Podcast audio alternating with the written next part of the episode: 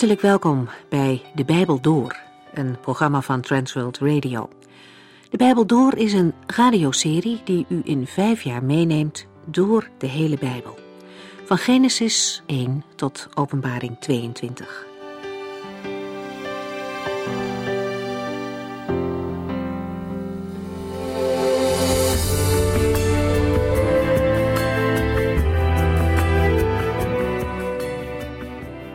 Vandaag gaan we verder met het leven van Abraham. We zijn bezig in Genesis 19, beginnen daar met vers 6. Dan gaat het over de geschiedenis van Sodom. Een naam die tot vandaag de dag toe verbonden is met slechtheid. Als een stad wordt vergeleken met Sodom, dan wil je daar liever niet wonen. God is uitermate eerlijk. Hij zal nooit één goed mens straffen omdat anderen die straf verdienen. En ook daarin zien we dat hij groter is dan mensen. God heeft overzicht over de totale wereldbevolking. Die miljarden mensen kent hij, persoon voor persoon. Hij weet precies wie er in hem gelooft en daardoor rechtvaardig is. Bij God ga je niet onder in de massa. De historie van Sodom en Gomorra is hier een treffend voorbeeld van. De vorige keer hebben we het erover gehad dat Gods plan was om Sodom te verwoesten. Niet zomaar, niet in een opwelling, maar God weet van alle zonde en slechtheid die daar was. En nu gaat hij naar Sodom, om te zien wat er zich daar allemaal afspeelde. Hij stelt eerst een onderzoek in. En daar spreekt hij over met Abraham. En Abraham vraagt dan of de Heere Sodom wil sparen als er nog vijftig goede mensen zijn. En die toezegging krijgt hij van de Heere God. Abraham vraagt verder en eindigt uiteindelijk bij tien. Ook dat zegt God toe. Als er tien rechtvaardige mensen zijn, dan zal Sodom niet verwoest worden. Maar ze zijn er niet. God wist precies hoeveel goede er waren. En die redt hij. Ook als het er maar één is. Die ene rechtvaardige zal niet omkomen met de onrechtvaardige. Maar hij zal gered worden.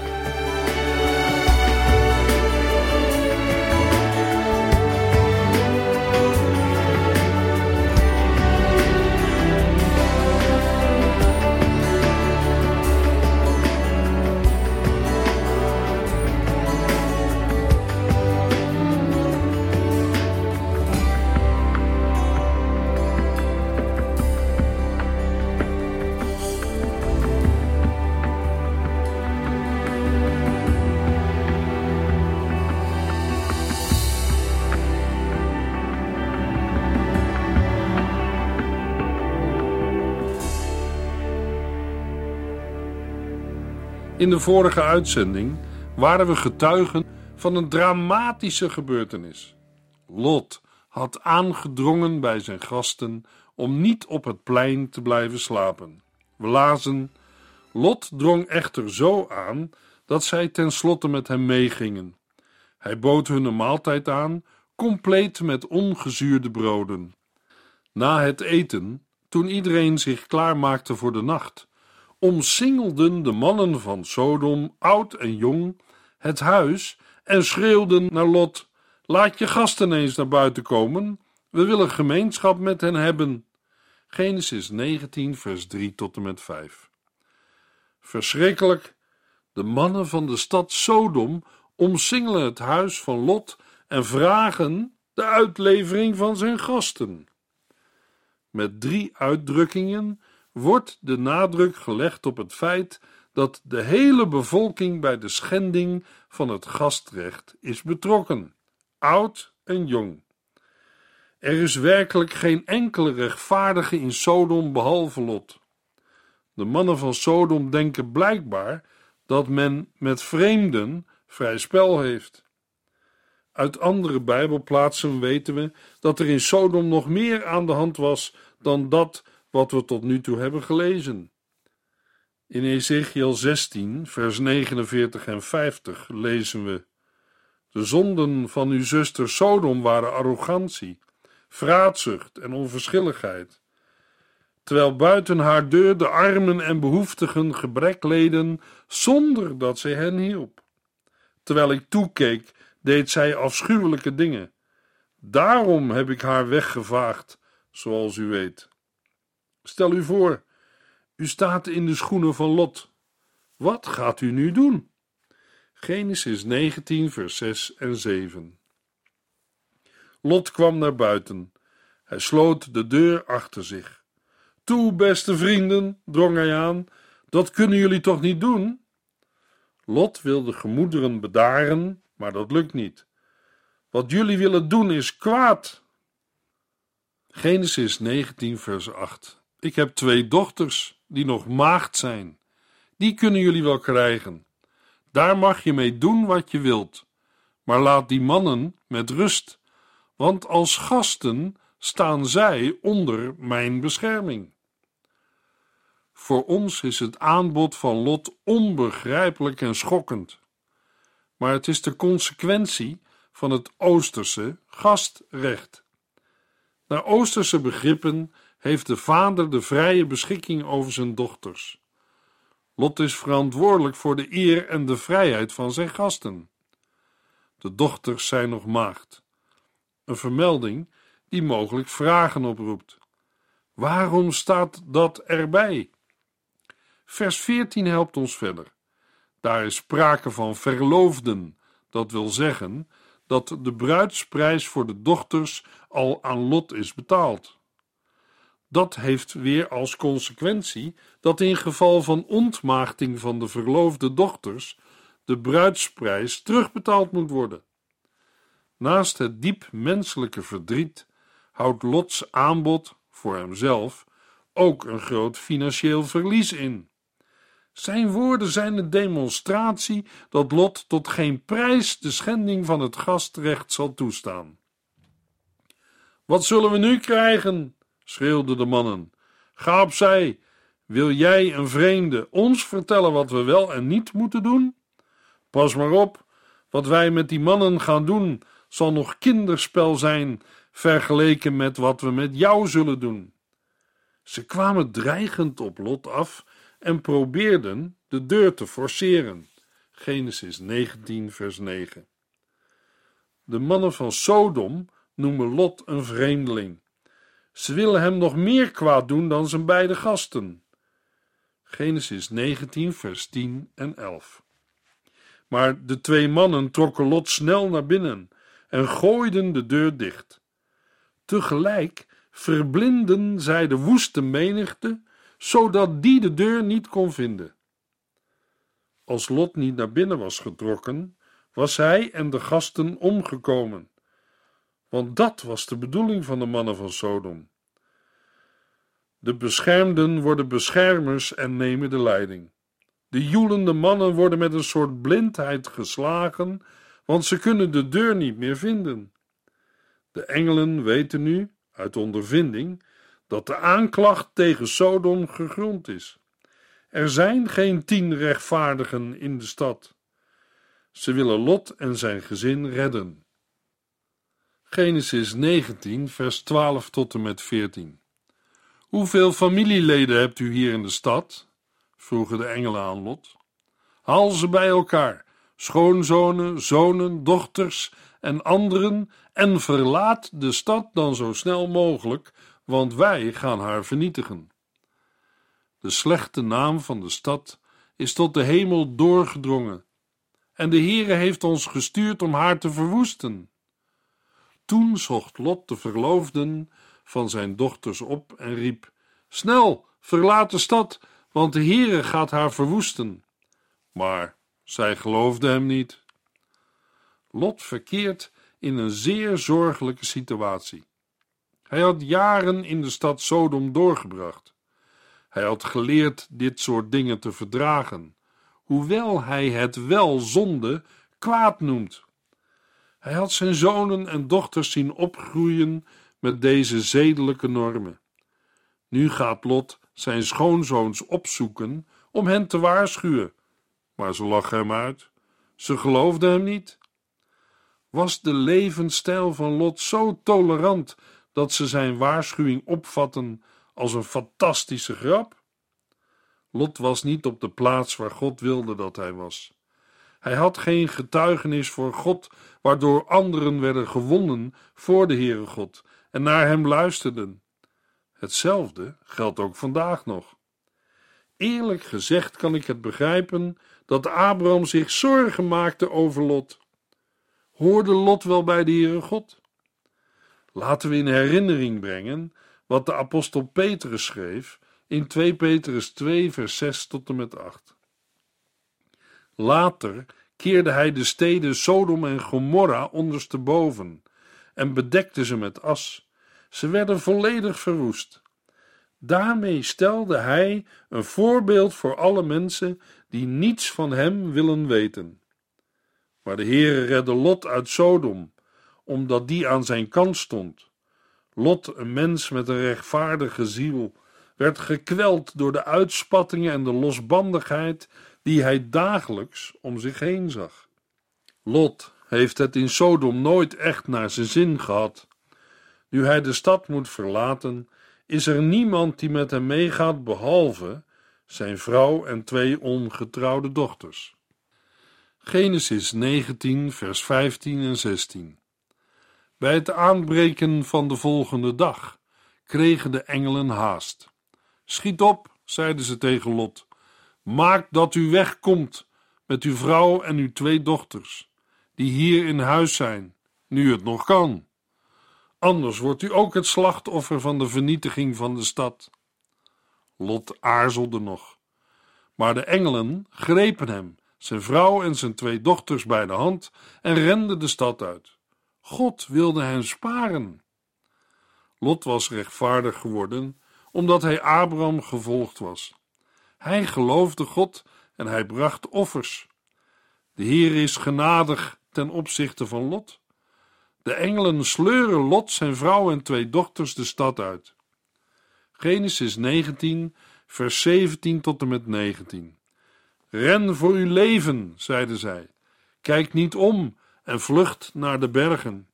Hier op de vlakte blijven zou u dood betekenen. Maar Lot stribbelde tegen. Ach nee, heer, smeekte hij, nu u zo vriendelijk bent geweest mijn leven te redden, laat mij dan alstublieft naar dat kleine stadje mogen vluchten, in plaats van naar de bergen, want ik ben bang dat het onheil mij dan zal achterhalen. Lot is bang dat het kwaad, het onheil, hem achterhaalt, zodat hij zal omkomen. Daarom vraagt hij naar een kleine stad met weinig inwoners te mogen gaan. Kijk maar, dat stadje is dichtbij en maar klein. Ziet u niet hoe klein het is? Daar zal ik mijn leven kunnen redden. Genesis 19, vers 20. De kleine stad heette Zoar en daar ging Lot heen. Weg uit Sodom. Maar of het echt van harte ging? Lot kwam weer in een heleboel ellende terecht. De zon komt boven de horizon als Lot aankomt in Zoar. Er komt een vurige regen, brandende zwavel uit de hemel.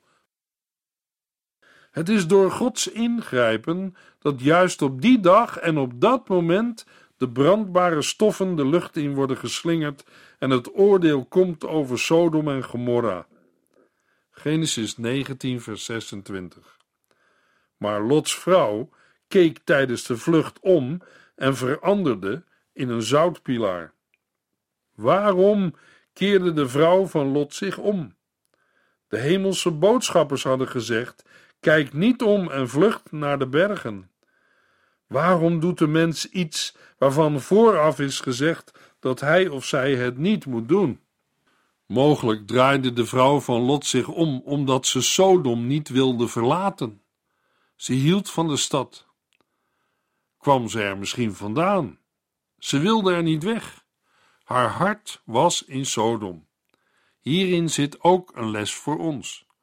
Christenen verlangen naar de wederkomst van Christus. Er wordt ook over gesproken en gestudeerd. Een aantal christenen getuigen van hun verlangen naar de komst van de Heer Jezus. Prachtig.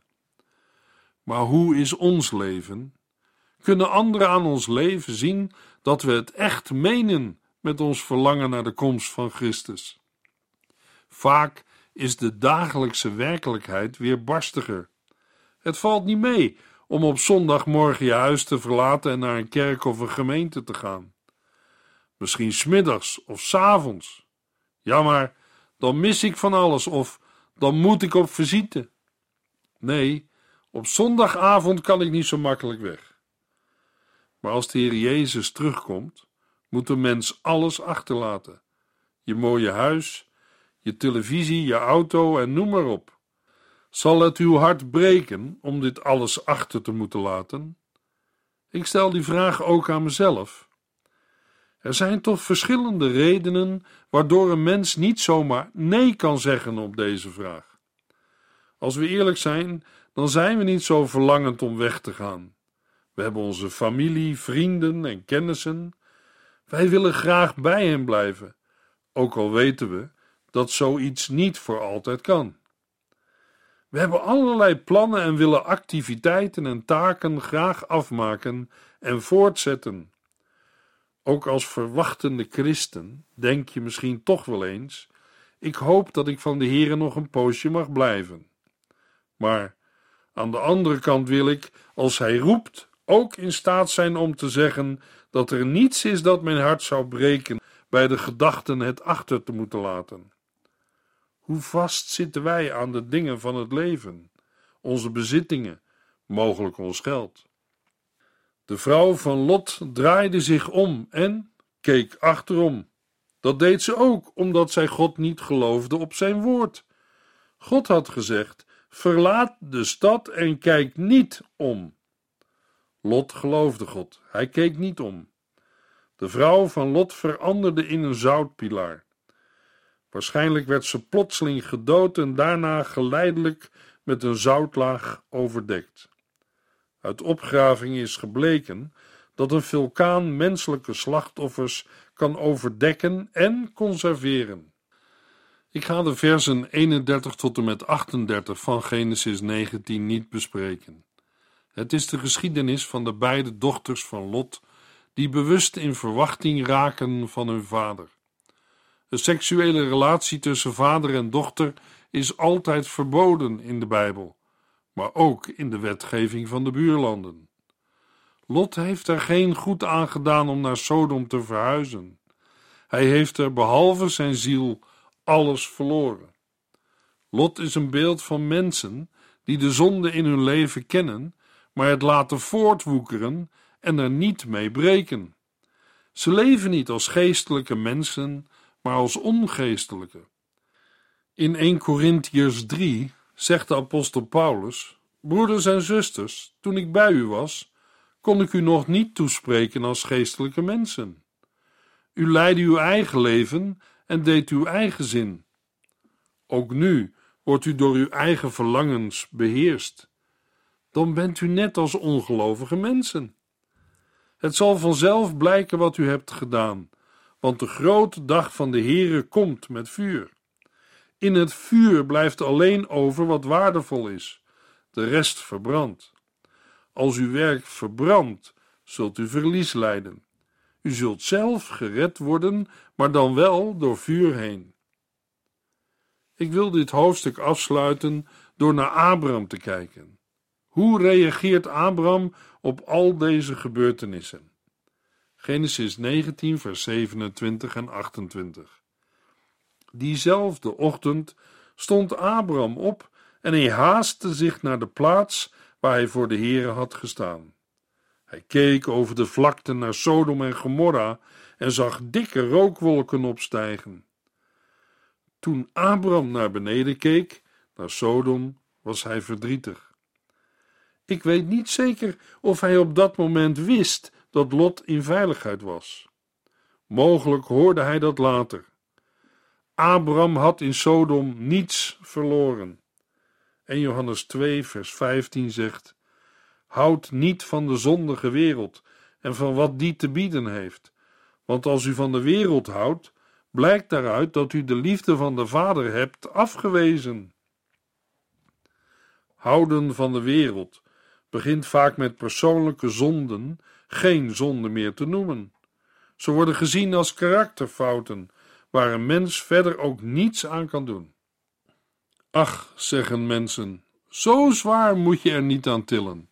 Je moet er wel over praten, maar om nu gelijk te zeggen dat het zonde is, dat maakt het allemaal zo zwaar en zwart. Het is erg slecht dat de kerk vandaag niet naar de zonde kijkt zoals God ernaar kijkt. Natuurlijk, we spreken er openhartiger over dan we ooit deden. Alle soorten zonden komen ook in de kerk voor. Maar God wil niet dat zijn kinderen met de zonde een compromis sluiten. Wat hij in zijn woord als zonde aanmerkt, mogen wij niet afzwakken en veranderen. Zelfs Lot geeft de bedoelingen van zijn stadgenoten de lading mee van u doet iets zonders. God kan het geroep over Sodom en de andere steden niet laten bestaan. Zijn oordeel komt over sodomie en alle andere vormen van zonden. We gaan verder met Genesis 20. Ik zal alleen de hoogtepunten van hoofdstuk 20 belichten. Het is wel een hoofdstuk waarvan je het gevoel krijgt: kan ik dit niet overslaan? Abraham valt in dezelfde zonde als toen in Egypte. Hij loog over Sarah en zei: Ze is mijn zuster. Hoofdstuk 20 lijkt een herhaling van de gebeurtenis in Egypte. Toch wordt het om een belangrijke reden vermeld. Abraham en Sarah moeten met deze zonde in het reine komen voordat Isaac geboren kan worden. Genesis 20, vers 1 en 2. Abraham trok in zuidelijke richting naar de Negev en vestigde zich tussen Kades en Sur. Net als in Egypte deed Abraham alsof Sarah zijn zuster was. En inderdaad, koning Abimelech van Gerar liet haar bij zich brengen. Wat denkt u? Zou Sarah een schoonheid zijn geweest? In deze periode was ze bijna 90 jaar en nog steeds een prachtige vrouw. Het valt op dat Abraham zich nogal ver in het zuiden van het land bevindt.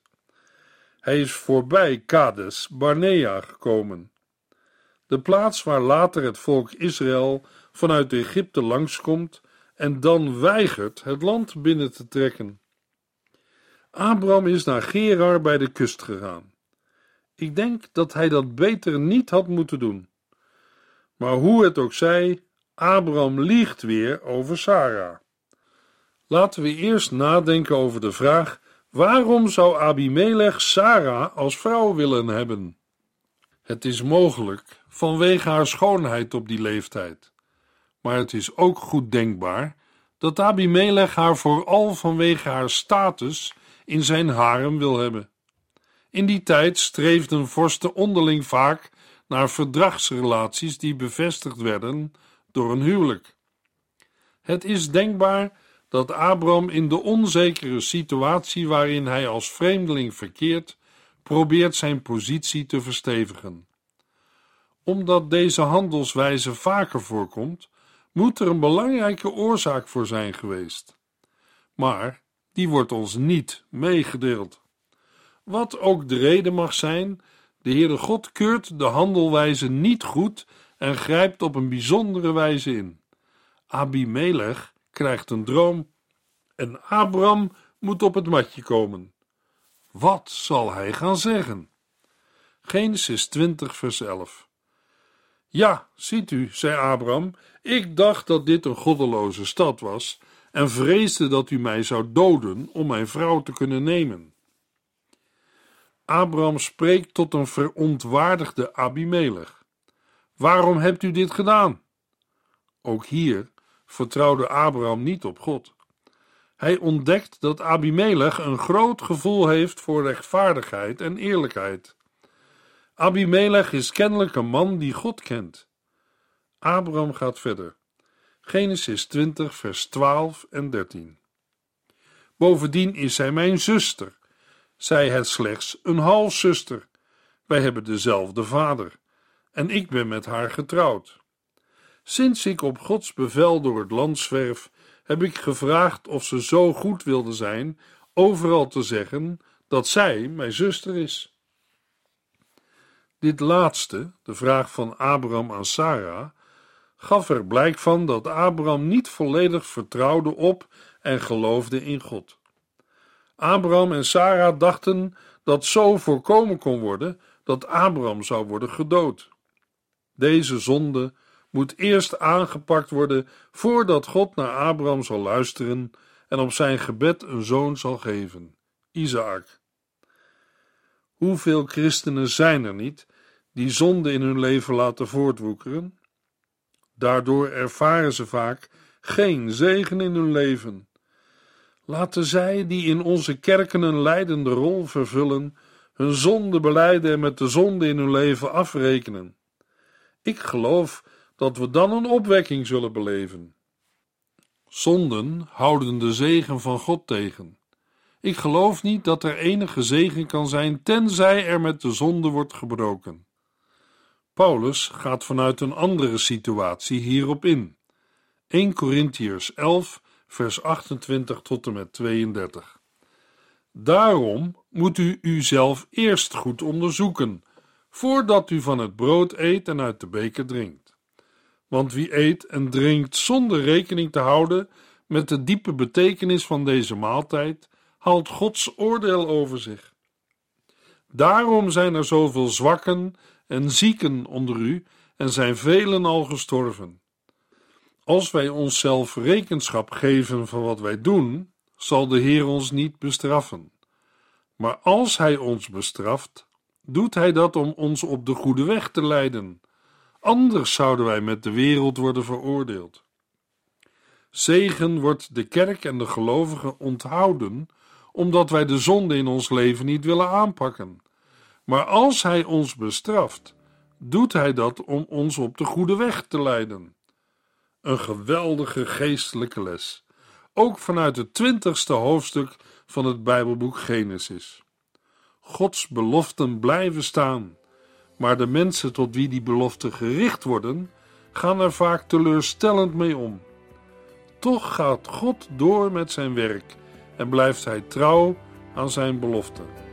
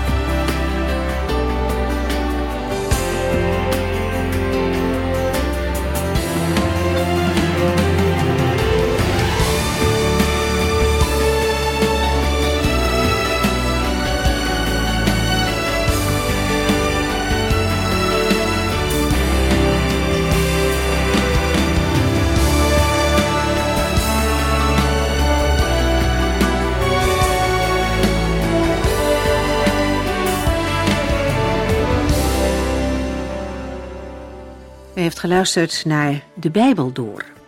In het Nederlands vertaald en bewerkt door Transworld Radio. Een programma waarin we in vijf jaar tijd de hele Bijbel doorgaan. Als u wilt reageren op deze uitzending of u heeft vragen, dan kunt u contact met ons opnemen. Tijdens kantooruren kunt u bellen op 0342 47 8432. 0342 47 8432. 32. Ook kunt u een e-mail sturen naar de Bijbel transworldradio.nl en natuurlijk kunt u ook via de post ons bereiken. TWR, postbus 371, postcode 3770, AJ in Barneveld. Dit programma werd gepresenteerd door Cor Weda en Ike André. Techniek was in handen van Odin van Woerdekom. En wij allemaal bedanken u voor het luisteren. Graag tot de volgende keer.